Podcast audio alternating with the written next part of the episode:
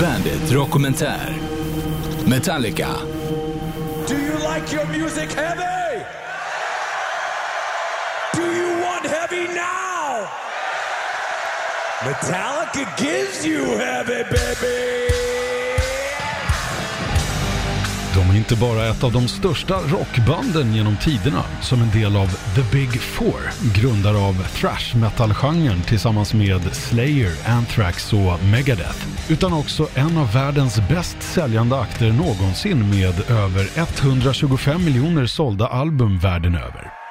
Efter en snart 40 år lång karriär med 10 studioalbum, 9 Grammy-vinster och otaliga livespelningar runt om i världen är historien om Metallica långt från över. Ett elfte album verkar lura runt horisonten och beroende på när du lyssnar på det här så är även ett Sverigebesök nära förestående. Men låt oss backa bandet och börja från början. Metallica bildades i Los Angeles på USAs västkust i slutet av 1981 utav den danskfödde trummisen Lars Ulrich som hade flyttat till Kalifornien från hemstaden Gentofte året innan för att satsa på en karriär i sin pappas fotspår som professionell tennisspelare. Men på något sätt lockade musiken mer. Kanske var det på sätt och vis pappa Torbens fel, eller förtjänst, då han tagit med lille Lars på en Deep Purple-konsert i Köpenhamn under tidigt 70-tal. Varpå drömmen om att en dag själv bli rockstjärna grabbade tag i honom och sedan dess aldrig släppt taget. En nästan 18 år gammal Lars hade hur som helst satt in en annons i en lokal tidning där han sökte bandmedlemmar att jamma med. Musiken skulle kategoriseras som metal och vara soundmässigt i linje med akter som Tigers of Pantang, Diamond Head och Iron Maiden. Två gitarrister från det lokala bandet Leather Charm svarade på annonsen och någonstans där startade historien om ett av världens största rockband. En av gitarristerna hette James Hetfield och tillsammans med honom bildade Lars ett band som de döpte till Metallica. Namnet bidrog Lars med, inspirerad av en kompis som spottat ur sig det som förslag på titel till ett hårdrocksfanzine. Logotypen, som mer eller mindre behållit samma essens ända till idag, designades av James, som berättar så här om den. Creating the Talica logo was just one of those things. I, I loved art. My mom was an artist. I loved just goofing off with pen and ink and paper. And I remember quickly coming up with something on a napkin. There were a couple different ideas, and uh, the barbs were just they just they just happened. I didn't have to think too much about it. I just saw that the M and the A had a, a similarity, and they could uh, turn into some type of weapon of sorts. And I think the barbs become more and more uh, relevant, as in you know the music, uh, how it kind of it does. It sticks in you, and it's hard to get out of you. So uh, yeah, that logo along with the uh, Ninja Star and you know helping with the load and reload stuff. Lots, of scary guy. Lots of art I get to do in this band. It is amazing. Uh, you know, my my second career was probably designing shirts or uh, doing some kind of graphics. So hey, I get to do both. Utan att egentligen ha ett befintligt band med alla medlemmar på plats hade Lars tjatat till sig att få spela in en låt till samlingsalbumet Metal Massacre och det kom att bli Metallicas första officiella egna låt, Hit the Lights, som spelades in i början av 1982. Och i samma veva gjorde de sitt första liveframträdande på Radio City i Anaheim. Vid det laget hade de även rekryterat en basist vid namn Ron McGovney och en gitarrist som hette Dave Mustaine.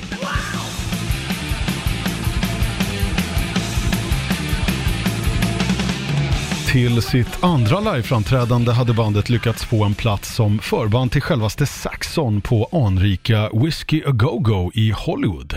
Egentligen var det Mötley Crüe som skulle ha öppnat kvällen men deras popularitet hade fått ett så pass stort uppsving att de hoppade av för andra åtaganden. Även Metallicas karriär började ta fart och med hjälp av fler liveframträdanden i Bay Area-trakten och dess omnejd och ett par demoinspelningar som började cirkulera så byggdes hypen om bandet vidare. Så småningom skedde ett par förändringar i bandets lineup. Basisten McGovney ersattes med den talangfulle Cliff Burton och efter en tid kickades även Mustaine som de övriga medlemmarna ansåg hade problem med både bråkig attityd och dåliga alkoholvanor. Det skulle ge upphov till en lång och väldokumenterad osämja och bitterhet framförallt från Daves håll. Hur som helst bildade han så småningom egna bandet Megadeth, vilket är en historia för sig. Och ny gitarrist i Metallica blev Kirk Hammett från bandet Exodus.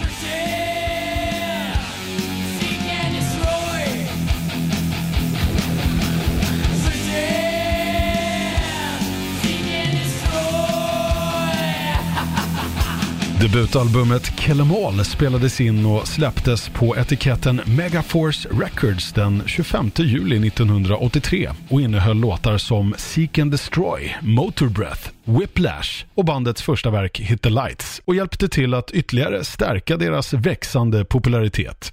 Till en början övervägdes albumtiteln Metal Up Your Ass, men efter rekommendationer från skivbolaget så slopades detta till förmån för den slutgiltiga titeln som ingen mindre än basisten Cliff kom på. Lars berättar. Um, it wasn't that difficult a decision. Actually, we were sitting around in the house where we were staying in upstate New York when we were recording uh, the album, and Cliff Burton just kind of threw out there, "Kill them all, kill all those record companies, kill you know all the naysayers, kill all the people in our wake." Uh, I think he had a T-shirt. Um, I think there was a T-shirt or something that somebody was sporting at the time, and, and it was just borrowed from there. För sitt andra albumsläpp åkte bandet till trummisen Lars hemland Danmark och spelade in tillsammans med producenten Fleming Rasmussen i Sweet Silence Studios i Köpenhamn. Lars hade valt ut honom då han gillade hans arbete på Rainbow-albumet Difficult to Cure från 1981. Inför inspelningarna förberedde sig bandet i en replokal lånad av King Diamonds band Merciful Fate. Ride the Lightning släpptes i juli 1984, nästan på dagen ett år efter debuten och hade ett skivomslag som föreställde en elektrisk stol och en albumtitel inspirerad av en textrad ur Stephen King-romanen The Stand. Den fick ett positivt mottagande och ansågs vara ett steg i rätt riktning och mer ambitiös än föregångaren. Med låtar som For Whom the Bell Tolls, Creeping Death och framförallt Fade to Black, som sångaren James har följande att säga om. You know, the song Fade to Black on Ride the Lightning was a pretty hard left turn compared to a lot of the other bands that were our peers. You know, your, your Slayers and Anthraxes and things like that were not doing ballads, if you consider that a ballad.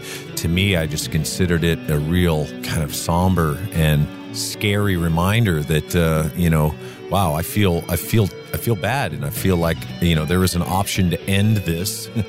uh, I don't want to take it, but I think it related to a lot more people than people were thinking. So I would say it helped us identify with a lot more people by being vulnerable. The thrash metal and punk fans, I'm sure they related to it behind the scenes you know, sitting there playing that record, maybe, maybe playing that song just for themselves not really allowing it to be a song that they shared with their friends, at least at that time.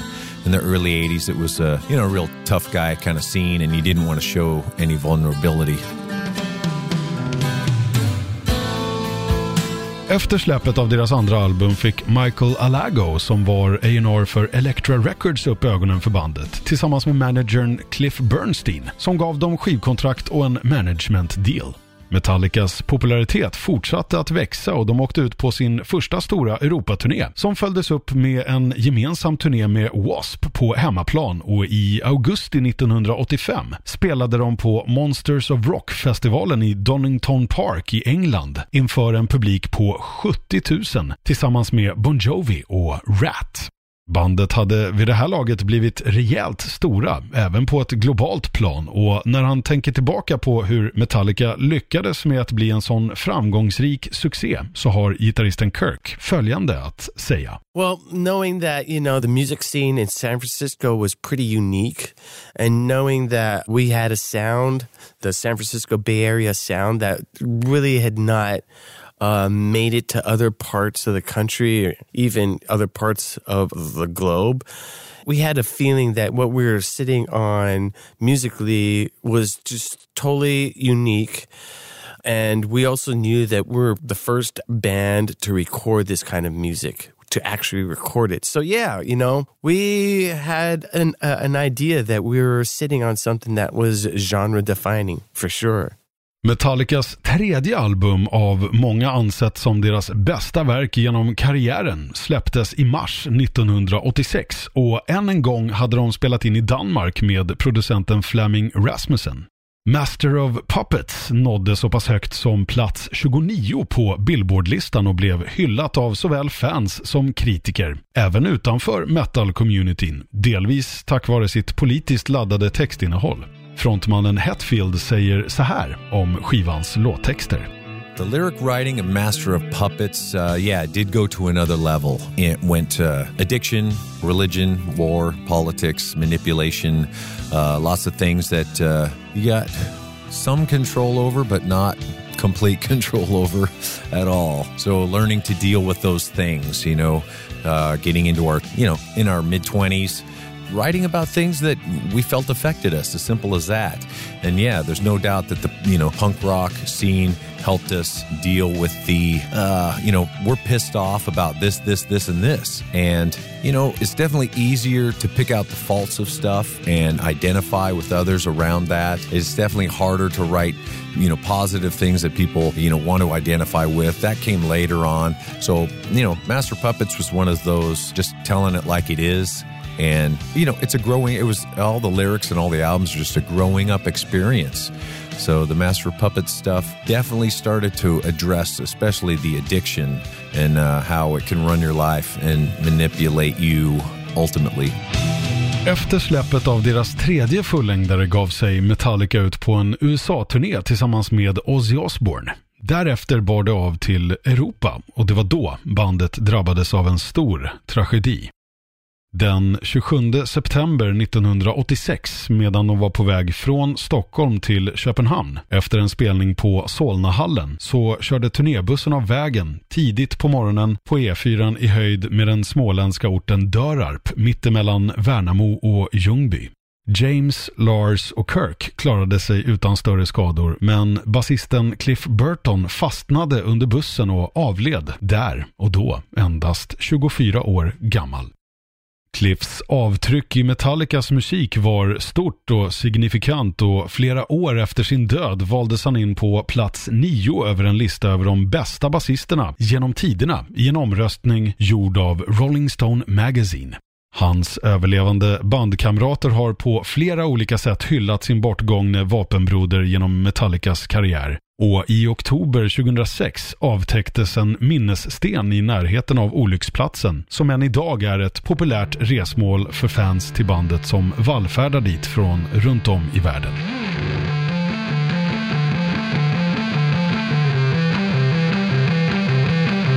Även om Burtons bortgång var ett hårt emotionellt bakslag så beslutade sig till slut de resterande medlemmarna för att Cliff ändå hade velat att de skulle fortsätta som band. Och med välsignelse från Burtons familj så började de leta efter en ersättare. Ett 40-tal personer provspelade för bandet, däribland Kirks barndomsvän Les Claypool från bandet Primus, Troy Gregory från Prong och Jason Newsted från Flotsam and Jetsam. Jobbet gick till den sistnämnde som joinade Metallica då de rundade av sin turné och gav sig in i studion för att spela in sitt fjärde album, And Justice for All, som släpptes i augusti 1988. Även om albumet fått utstå mycket kritik från fans och media för den praktiskt taget totala avsaknaden av bas i mixen så fick det även mycket beröm samt att det så småningom under 1990 belönade bandet med deras första Grammy någonsin för deras första musikvideo i karriären till låten One. Även om de året innan snuvades på en album-Grammy som istället genom en skräll gick till bandet Jethro Tull. I oktober 1990 äntrade Metallica-studion för att spela in sitt nästa album tillsammans med producenten Bob Rock, då ansvarig för bland annat album med band som The Cult, Aerosmith, Bon Jovi och Mötley Crüe.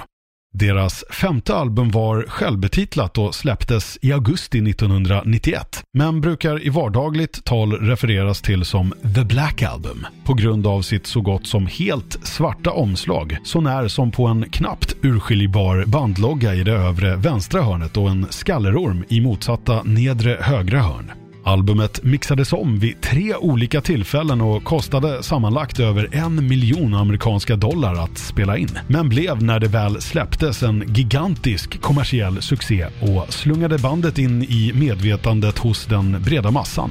Det såldes i 650 000 exemplar under sin första vecka och har till dags datum nått en försäljningssiffra på motsvarande över 30 miljoner.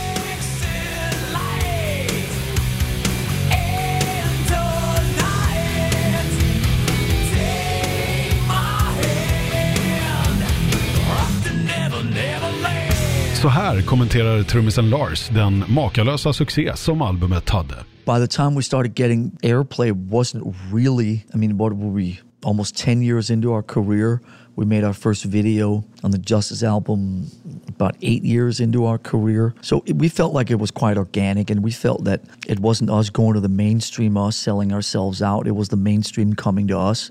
And it was the whole musical landscape in America was just moving more and more out to the left, out to the edge where we were hovering. And so by the time we started getting video and radio airplay, we felt that it was a very sort of organic continuation of, of winning people over and the success that we've been fortunate enough to achieve. Av de fem singlarna som släpptes från albumet är det utöver låtarna Enter Sandman, The Unforgiven, Wherever I May Roam och Sad But True helt klart låten Nothing Else Matters som satt ett av de största avtrycken låtmässigt i bandets historia. Låten skrevs av Hetfield till hans dåvarande flickvän och han hade till en början inte avsikten att släppa den som en Metallica-låt. Men han övertygades av bandkollegan Lars som säger så här om låten.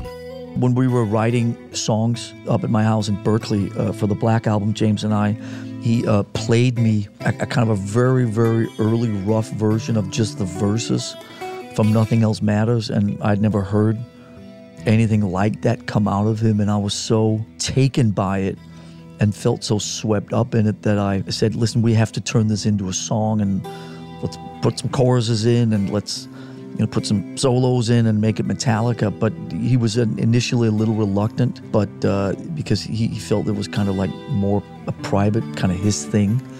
But I told him that it was something that had to be shared with the world, and he um, he eventually agreed, and we ended up sharing it with the world.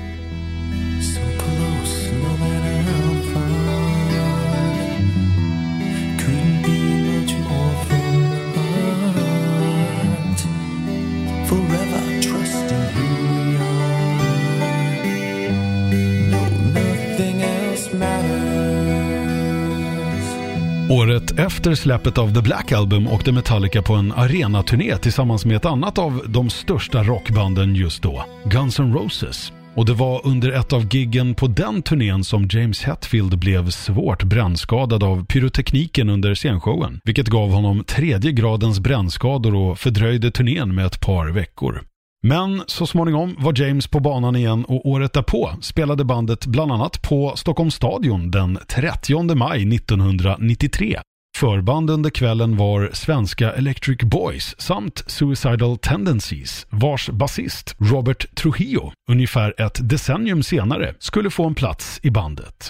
Så här säger han när han tänker tillbaka på den tiden. With the Black album, it was interesting because when that came out, it was so different than Injustice for All, but it was so damn good. And, um, you know, at first, maybe it was so different that you didn't know if you were going to like it or not. And a lot of other bands and musicians were talking about it. So it wasn't, it didn't connect at first with a lot of the musicians, but for me, it did. I, I felt the songs were really powerful and um, just great songwriting. Um, obviously, there were some hits in that mix. So they had done something different. They had challenged themselves and they went a slightly different direction and and kicked ass. I remember with Suicidal Tendencies, we had toured with Metallica on the Black Album. So back in 1993, it was. I remember, you know, we'd do our set and then I'd watch them from out in the crowd, and I just thought to myself, man, they're they're just so so badass, and, and they're so damn popular. You know, I wonder if I could ever be a part of that energy and being a part of a such a big band. So for me, it's very surreal to actually now be playing with Lars James and Kirk and to be up on that big stage. But it, it back then it was really just a fantasy, and it was like, wow, maybe someday. That's how life has been for me. You know, you take these small steps forward and you dream a little bit and fantasize, and sometimes they come true. So uh, here we are now making music together. It's pretty cool. Efter nästan tre års konstant turnerande, däribland en headline-slott på ökända Woodstock 94-festivalen, så gick bandet igen in i studion för att spela in nytt material. Ganska snabbt konstaterades det att man hade lyckats skapa tillräckligt med material för att fylla inte bara ett album, utan två. James Hetfield tänker tillbaka på processen med följande ord. Yeah, two albums. I mean, it was going to be one. It was going to be one record, you know, before it was called Load. Uh, these were a bunch of songs that we liked, and we kept working on them, working on them. And boy, there was 30 plus songs 40 something song. I mean, we had a lot, a lot of songs. And at that point, you know, we had honed our craft to be able to make all these songs really good. And what do you do with all these really good songs? You, you can't put them onto one record. So we decided to split them up. And I, I'd say that was a super challenging thing for me as a lyricist to come up with that many lyrics. And I'm, I'm kind of glad that it's two records. It gave me time to hone in and make uh, the reload stuff a little stronger than it was. But it was intended to be one record, but eventually became split because there was so there was so much material. Sagt och gjort så beslutades det att man skulle släppa hälften av låtmaterialet på ett album och därefter följa upp med resterande låtar året därpå. Det första av de två albumen, Load, släpptes i juni 1996 och uppvisade en stor förändring för bandet. Inte bara musikaliskt, utan även imagemässigt. I samband med släppet av singeln Until It Sleeps och dess tillhörande musikvideo kunde man se de fyra bandmedlemmarna med betydligt kortare frisyrer än fansen var vana vid. Något som signalerade denna nya inriktning, även om just hårfrisyrerna visade sig ha varit en slumpmässig företeelse enligt Lars som kommenterade hela så här. We were not, no, I mean, we never are aware of how anything we do has an impact on anybody. And I'd like to say that that's a good thing because we don't sit there and particularly um, overanalyze or I guess suffer the consequences. You know, it's it's. Uh, I guess ultimately there's a purity to what we do, and basically all of these things are out of come out of a creative passion and a creative curiosity. From 1991 to 1996, uh, in the five-year gap from the release of the Black Album to the release of the Load record, all four members of Metallica at various points, not at the same time, but at various points in that five-year span, had haircuts. It was not planned that way. It was not part of a plan, anything. It was just something that happened. So when we showed up again after being off the radar for a few years, everybody thought that we had gotten a four for one deal at the local barber shop. But I can assure you that was not the case. And we just wanted to challenge ourselves creatively. And our um, curiosity has always taken us in many, many unusual directions. And I'm always super proud of that.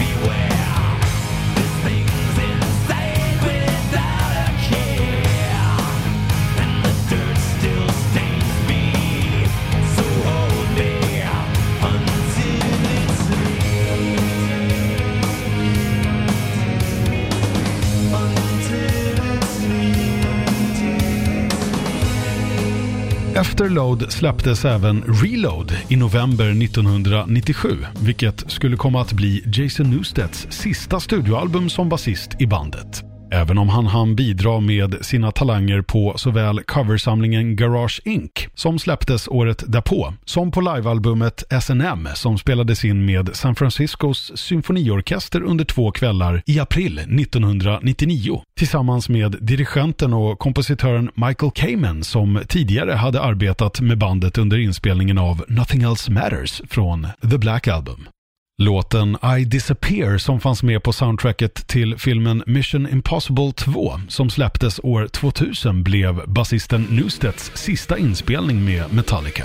Därefter valde han att lämna bandet efter att han uttryckte önskan om att få fokusera på sitt sidoprojekt Echo Brain, men fått kalla handen och i princip ett ultimatum från resterande bandmedlemmar med James i spetsen eftersom det ansågs ta fokus från det huvudsakliga bandet.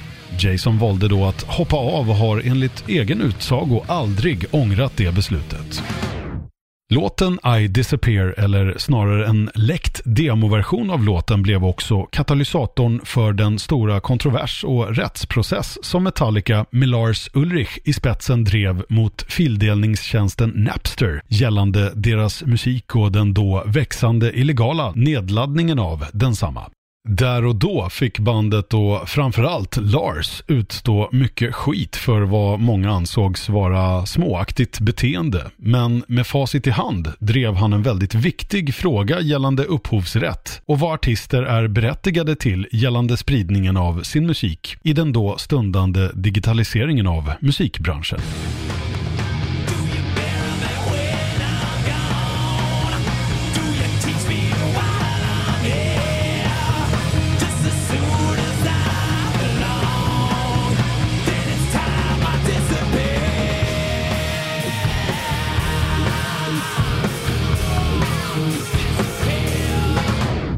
I samma veva som denna turbulenta tid i bandets historia hade dokumentärfilmarna Joe Berlinger och Bruce Sinofsky börjat följa bandet för vad de trott skulle vara förberedelser inför och så småningom inspelningen av deras nästa album.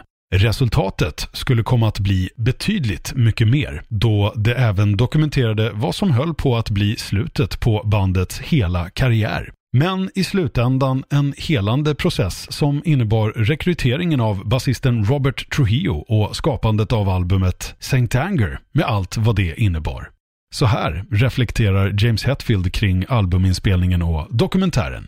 Saint Anger. That's an angry album. That is one friggin' angry album, I must say. Sonically, lyrically, uh, and riff wise, really angry, really aggressive, really punishing, uh, relentless. The album was exactly what we were feeling at the time. I mean, especially me at that point, you know, being, you know, fresh out of rehab and kind of trying to figure life out and what was it all about and can we even get along and, you know, going through lots of stuff. Obviously, you can see it in the uh, uh, some kind of monster movie, but I tell you, Saint Anger was exactly where we were at that time. And I I, I have a hard time when people say that they don't like it and it's it's difficult to listen to. I get that. I know some of the instruments aren't the easiest to listen to, but man, there is such a relentlessness in that album. In itself, I think it it's a statement. It might not be a song you're going to sit there and maybe listen to or hear on the on the radio because this stuff is it's brutal.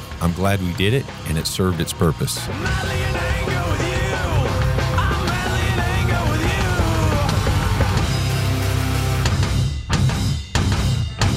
St. Anger släpptes i juni 2003 och i januari 2004 släpptes dokumentären Some Kind of Monster. Senare under året spelade Metallica på Download-festivalen, dock utan trummisen Lars som hade tvingats hasta iväg sig till sjukhus på grund av vad som visade sig vara en panikångestattack. Istället hoppade Dave Lombardo från Slayer och Joey Jordison, då trummis i Slipknot, in som sista minuten-vikarier. Att en sådan lösning gick att få till i grevens tid är definitivt ett tecken på Metallicas storhet, då trummisarna i fråga hade stenkoll på bandets låtmaterial. Efter det tog Metallica en välförtjänt paus från turnerande och allt annat som bandets åtaganden innebar, för att spendera tid med sina familjer. I slutet på 2006 släppte bandet en DVD-samling med deras musikvideos och året därpå kom deras tolkning av kompositören Ennio Morricones verk The Ecstasy of Gold som bandet sedan länge brukat använda som intro till sina livekonserter. Deras version av det instrumentala verket fick en Grammy-nominering under 2008 års gala. I september senare det året släppte de sitt nionde studioalbum Death Magnetic James Hetfield tittar tillbaka på den tiden med dessa tankar. the Death Magnetic album after Saint Anger, after some kind of monster, you know, Arf obviously went through a lot of stuff in those those times. I remember our life coach at that time saying, you know, all this work you're doing right now is not for Saint Anger, it's for the next one. And the next one was Death Magnetic. And it certainly was. A lot of brotherhood, a lot of caring again, a lot of uh, realizations, a lot of honesty, a lot of opening up to each other, vulnerability helped us get to that place. And Death Magnetic was a celebration of our gosh, our newfound love for each other and what we do. Getting Rick Rubin in there and getting a young feel going again in the band and feeling like we have something to say. Awesome. Love the record. It's in your face. There's a lot of great lyrics, great riffs, great drumming, great solos. It's nice to have the solos back, obviously, after St. Anger, but really, really, really proud of that record. Artwork as well. The tour was a blast. Lots of visuals and uh, lots of fun. Death Magnetic var bandets första alster sedan deras svarta album från 1991 som inte hade långtida samarbetspartnern Bob Rock som producent. Istället hade man valt att arbeta med Rick Rubin och albumets sound blev något av en återgång till deras tidiga sound. Framförallt i vakvattnet av St. Anger. Albumet innebar också att de skapat en trilogi av Unforgiven-låtar med första på självbetitlade verket från 91, del 2 på Reload från 97 och den avslutande tredje delen på Magnetic-plattan. Så här säger James om tankarna kring de tre låtarna. Was it uh, ever meant to become a trilogy? No, it was a. I have no clue. You know, when we write, we write. When I think back, yeah, Unforgiven, they're all three different viewpoints. You know, the first one is a little blaming, the second one is complete confusion and questioning, and the third one is more realization of I haven't forgiven myself. How can I do that for others? So I think the story's been told pretty much, and it, uh, you know, it, it comes from within, it comes from us all. And it's in there if we know it's there, as maybe the uh, answer to that trilogy. But there doesn't need to be any more, I don't think. The story wasn't done being told, and I think it's done on Death Magnetic finally. How can I be lost if I've got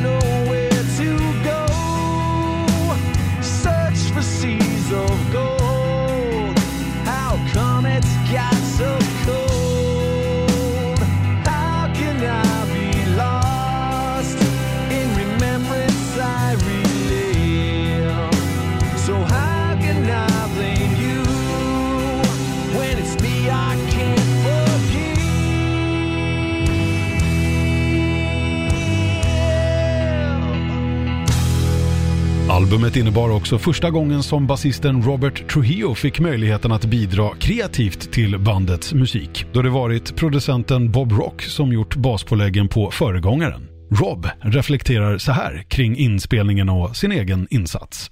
With Death Magnetic, there was definitely um, a creative journey that I would say, well, a respectful journey that the guys brought me in and really listened to me, and uh, and maybe there was respect from the years past with with other bands and artists that I work with. I felt that uh, just to be able to sit there and actually show James Hetfield some of my ideas, and it, it's a bit nerve wracking and, and intimidating because he's not always the most patient when he's learning something, especially if it's a little bit more technical. But uh, in the end, when he grasps it and he makes it his own or brings his touch to it, it becomes very powerful and rewarding. But getting there is a little bit of a challenge. And that was one of the things I remember from some of the parts that I had prepared and that I had to show him. It's not always easy. But once he gets it and everybody's kind of in the groove in the pocket of a part that you come up with, it turns into an exciting moment. But the lead up is a little bit intimidating, I must say. Den 4 april 2009 invigdes Metallica i Rock'n'Roll Hall of Fame under en ceremoni som såg en återförening av de nuvarande bandmedlemmarna tillsammans med forne basisten Jason Newsted på scen. Även Ray Burton, pappa till originalbasisten Cliff, fanns på plats för att motta heden i hans sons ära.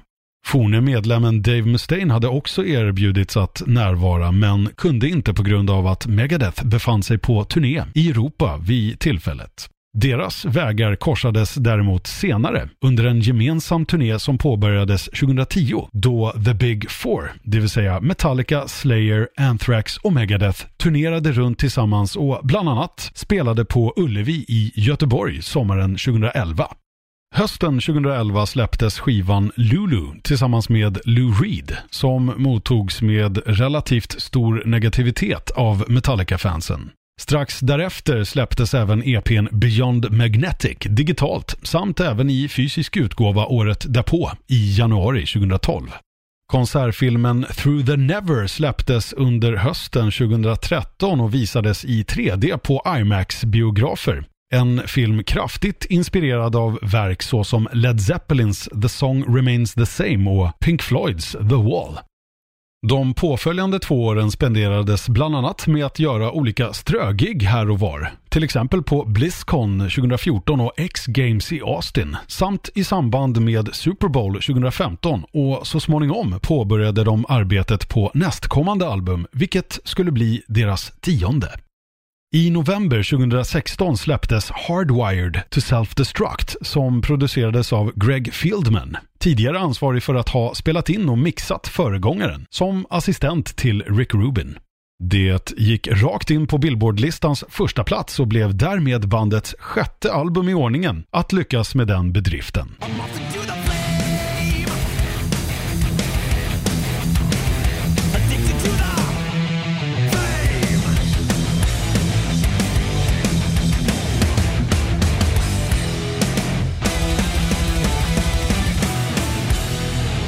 Gällande den kreativa processen och det tematiska och textmässiga innehållet säger frontmannen Hetfield så här.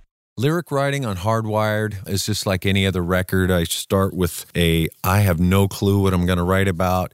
And then all of a sudden there's a theme.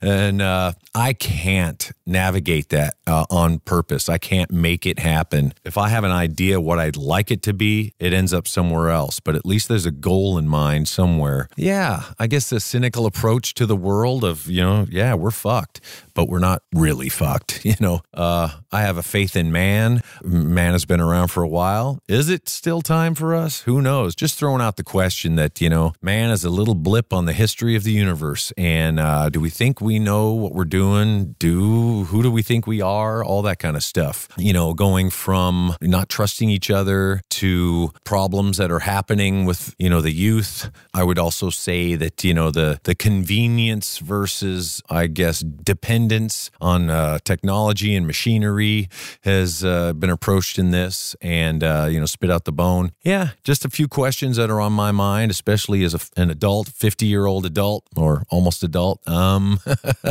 who's got kids and seeing this world coming and feeling like, oh, my dad, oh my God, uh, this, this world is doomed without me, you know. but then I see my kids and I see what cool things they've got on their mind and how open and uh, accepting of a lot of things they are. And I really do have faith in mankind at the end of the day. Metallica är ett av världens största band genom tiderna. Stilbildande, inte bara inom thrash metal-scenen eller som rockband generellt, utan som en av världens mest framgångsrika musikaliska akter någonsin. Deras karriär är kantad av såväl upp som nedgångar, både musikaliskt och kreativt såväl som emotionellt. Men faktum kvarstår att de är självklara husgudar för såväl gemene man som otaliga andra musiker och nutida rockstjärnor. Vad är då hemligheten bakom deras framgångsrecept?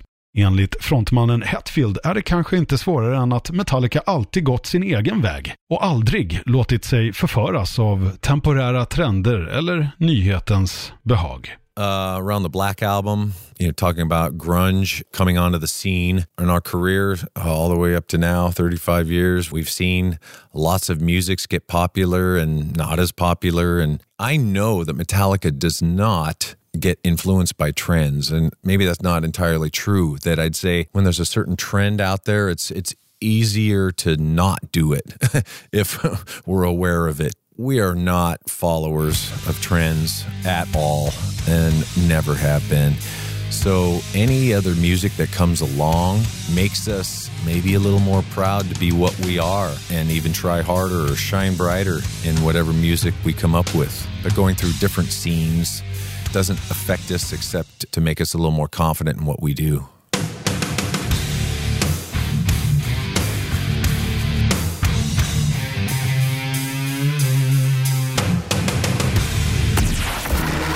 Bandit Dokumentär Metallica produceras av I Like Radio av Henrik Rosenqvist, Anders Manjo och Peter Kjellin.